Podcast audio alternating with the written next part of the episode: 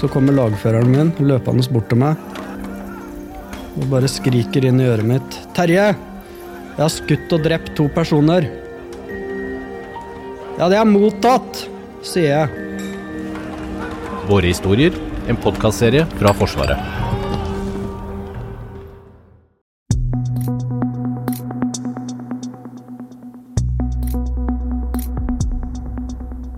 På bare fem uker skal ukrainske menn trenes opp til å bli soldater, som så skal sendes rett til fronten for å kjempe mot russerne. My relatives, my friends are suffering from uh, Russian bombings. Uh, some of my acquaintances uh, are dead nowadays. Uh, so I'm glad for uh, each minute that I'm here to uh, be more prepared to be a greater soldier.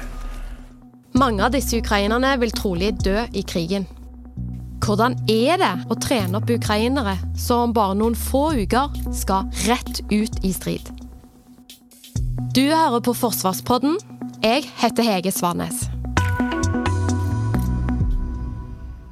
I en gammel brakke på en militærbase i England fikk vi snakke med en av de som trener opp de ukrainske soldatene. Hva syns de egentlig om å ha dette oppdraget? Her hører du presseoffiser Rolf intervjue Lars, en av instruktørene. Hva sier de norske soldatene som er her med oppdraget, altså instruktørene deres? De sier at det er eh, ekstremt meningsfullt for dem.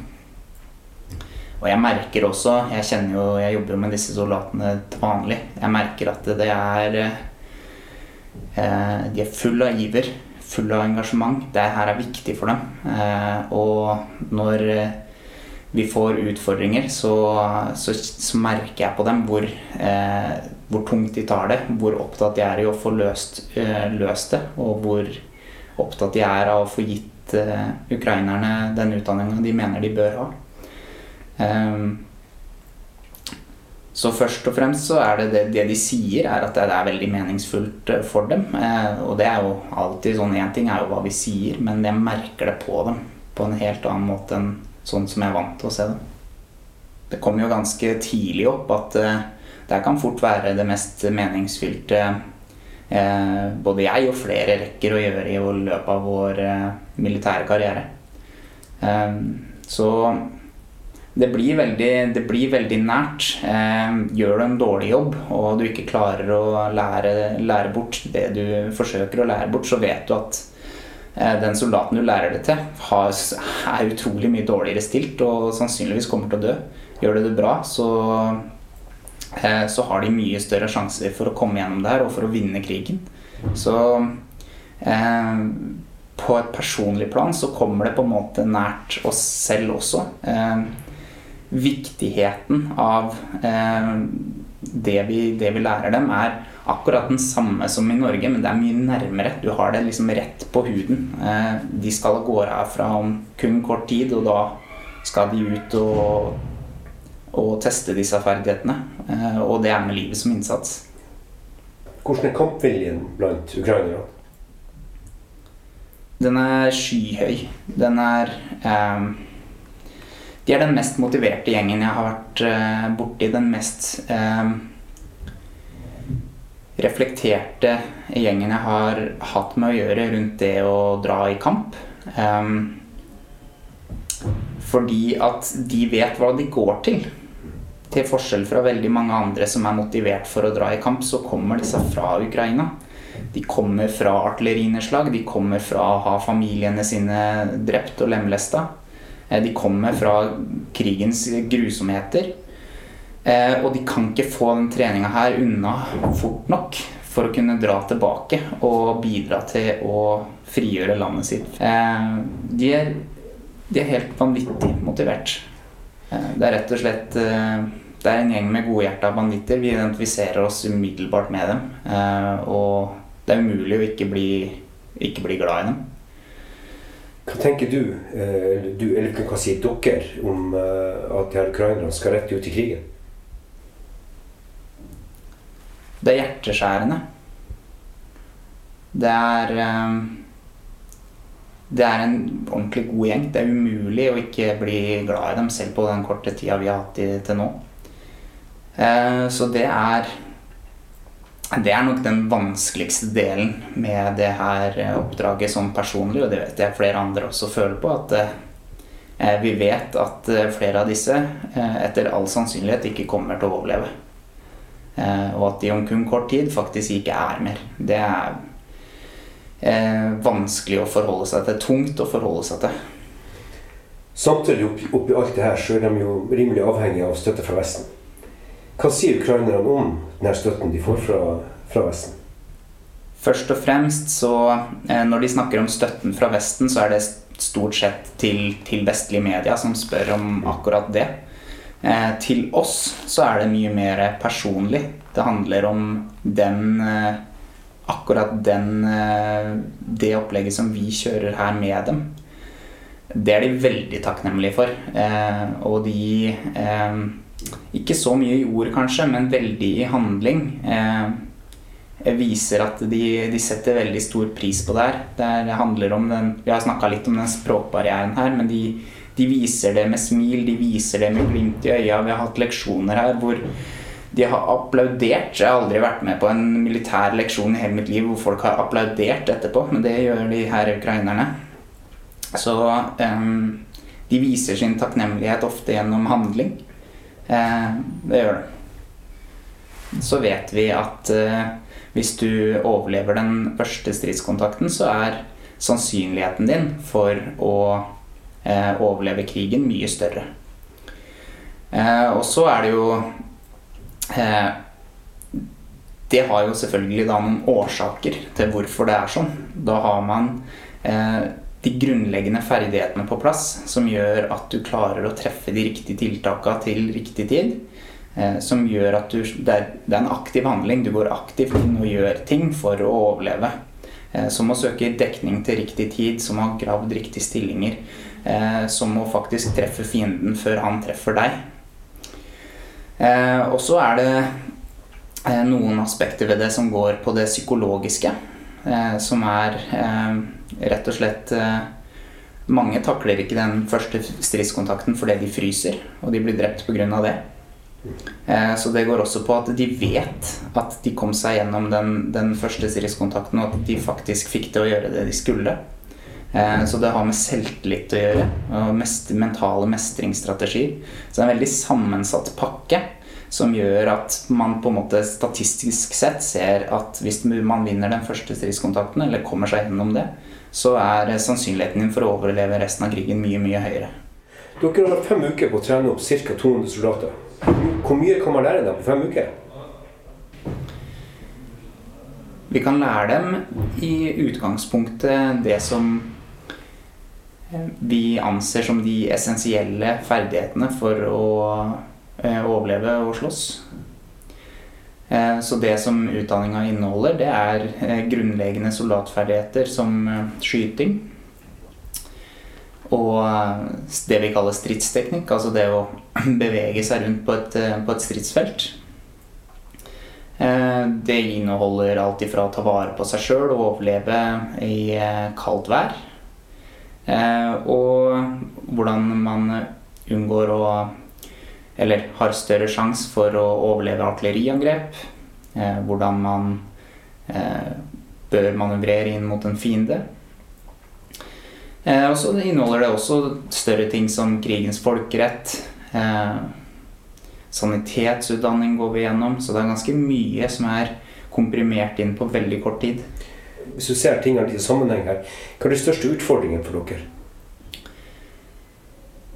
i hvert fall fra mitt perspektiv, som sitter med, med planen her, så er det å få veldig masse kunnskap inn på så kort tid som mulig.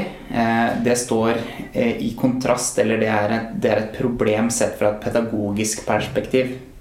Eh, så vi står hele tiden i en balansegang mellom hvor mye er det vi klarer å presse inn, kontra hvor mye må vi øve på det vi faktisk lærer dem. For vi vil ikke havne i en situasjon heller hvor Eh, det blir sånn at vi bare har pakka masse kunnskap inn, og så blir det så mye at de ender opp med å ikke huske noe.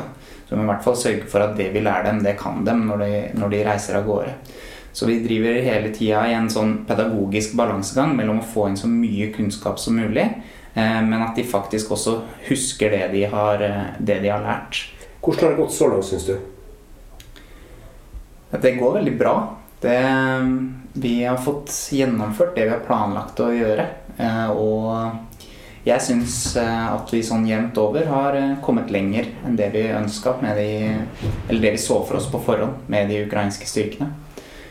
Eh, så på gjennomført utdanning så er vi etter planen, og nivået på de ukrainske soldatene er over det jeg så for meg på forhånd.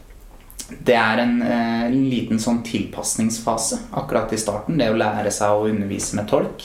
Eh, og justere inn undervisningsferdighetene sine til bruk av, bruk av tolk. Men det vi ser, eller det vi merker, er at kroppsspråk kommer igjennom, tonefall kommer igjennom. Eh, engasjement kommer igjennom. Eh, og eh, vi justerer undervisningsopplegget vårt til å ha mer praktisk trening og mer at vi viser mer med bruk av bilder, tegninger og den type ting. Og forklarer mye mindre enn vi vanligvis gjør. Er de interessert og bekjent med dere, og hva snakker dere i så fall om? Ja, de er det.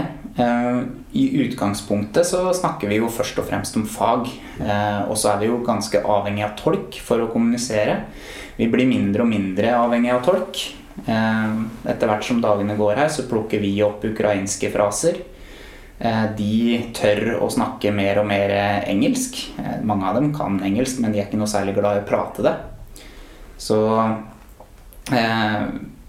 Først og fremst så snakker vi om fag. Så er det jo også noen situasjoner hvor eh, man kanskje ender opp med litt på tomannshånd, eller vi står og fleiper i, i, pauser og den type ting. Og da er det som, som soldater alltid. At det er, eh, det er tøys og tull og kødd og rør når man er av. Og så eh, skrur man på bryteren, og så er det bånn gass. Det er alltid fra det til eh, til folk som forteller, om, forteller historiene deres. Det kommer ofte opp når vi snakker om eh, hvorfor de slåss. And if this is the only wound that uh, this soldier has, then he's, uh, he can continue fighting. Ute i felt trener ukrainerne på medisinsk behandling av skadde personer. En av ukrainerne vi har snakka med, sier at familien og vennene hans lider hjemme i Ukraina. Bekjent av han er drept i krigen, men selv er han ikke redd for å gå i kamp. Maybe I think I'm not afraid of being uh, of, of going to the war because uh, I. all those things uh, because uh, my relatives, my friends are suffering from Ru uh, Russian bombings. Uh, they are going to shell. Some of my acquaintances uh, are dead nowadays. Uh, so I want to stop it as soon as possible. so I'm glad for each minute that I'm here to be more prepared to be a greater soldier. Mm, okay, uh, I'm learning here uh, like uh, Тут я буду просити вашої допомоги, тому що я не знаю цих слів. So the, I should say it in Ukrainian because there's a military terms, I don't know. Okay, тут була і вогнева підготовка, і тактична підготовка, a lot of uh, things with the tactical medicine, um, uh, some things with uh, uh working in pairs, in triples, uh, in platoons, uh, in sections, because working in a team is one of the greatest and the most useful skills that I have learned here. We have our section, all of us are friends with each other, so we try to make it better as a team. Vi har òg snakka med oberstløytnant Ralf Fosse, som er senior nasjonal representant for operasjonen i England, om hva Operasjon Interflex er, og hvordan Norge kom med i opptreningen av ukrainske soldater. Operasjonen eh, Interflex eh, er et resultat av forhenværende statsminister Boris Johnsons 10K-initiativ, eh, som igjen etterfulgte en lengre samarbeid som England, har hatt, England og Storbritannia har hatt med Ukraina. Eh, hvor, men hvor da den, det 10K Initiative går ut på at de eh, skal, eller tok på seg, å trene 10 000 ukrainske soldater eh, i England før de ble returnert til, til Ukraina. Vi så veldig fort at det her var et spennende oppdrag, spesielt oppdrag. og hvor, hvor, vi alle hadde lyst til å være med og, og bidra. Eh, og eh, nå vi, har vi jo først, i første runde, eh, pga. at vi måtte deployere ganske fort, så eh, ble det helt naturlig å henvende seg til Hæren, Brigade Nord og HRS med miljøet. Altså Hærens hurtige reaksjonsstyrker, altså de som er klar. De er klare alltid. Og, og Derfor er det naturlig å henvende seg til dem, denne her, og de svarte positivt og ville være med. Og ingen problemer å få dem med. Det var dette var noe soldatene ønsket å, å være med på, så, som meningsfylt. Eh, I neste runde så er det jo eh, slik at eh, Heimevernet skal stille en større del av disse instruktørene. Og i og med at de er fra Heimevernets styrkestruktur, så har de jo en sivil jobb. Da tar det noe lengre tid, og de må få permisjon eller på en måte avklare med sin arbeidsgiver om de får lov å være med. Uh, før, før, de kan tegne kontrakt da, med, med Forsvaret og Heimevernet for å være med uh, på dette. her. Og det, Den rekrutteringen er vi i full gang med nå. Men De ukra ukrainerne som nå blir trent opp, som skal gjennom denne rekruttskolen på sitt vis, hvem er de? Jeg håper å si hvem er de ikke? Det, du har alt fra leger, arkitekter Taxisjåfører, fabrikkarbeidere, helsearbeidere Ja, det er et tynt utvalg, men det er, det er, fra alle samfunnslag. Målet med den treninga som de her ukrainske soldatene skal gjennom, kan du si noe om det? Ja, de skal basically da tas fra å være sivil eh, til å bli soldat på, eh, på ganske kort tid. Eh, og det er krevende. Det er utrolig mye som de skal gjennom. Eh, enkelt fortalt, som et bilde kanskje mange har vært gjennom, så er det at de skal gjennom en rekruttskole.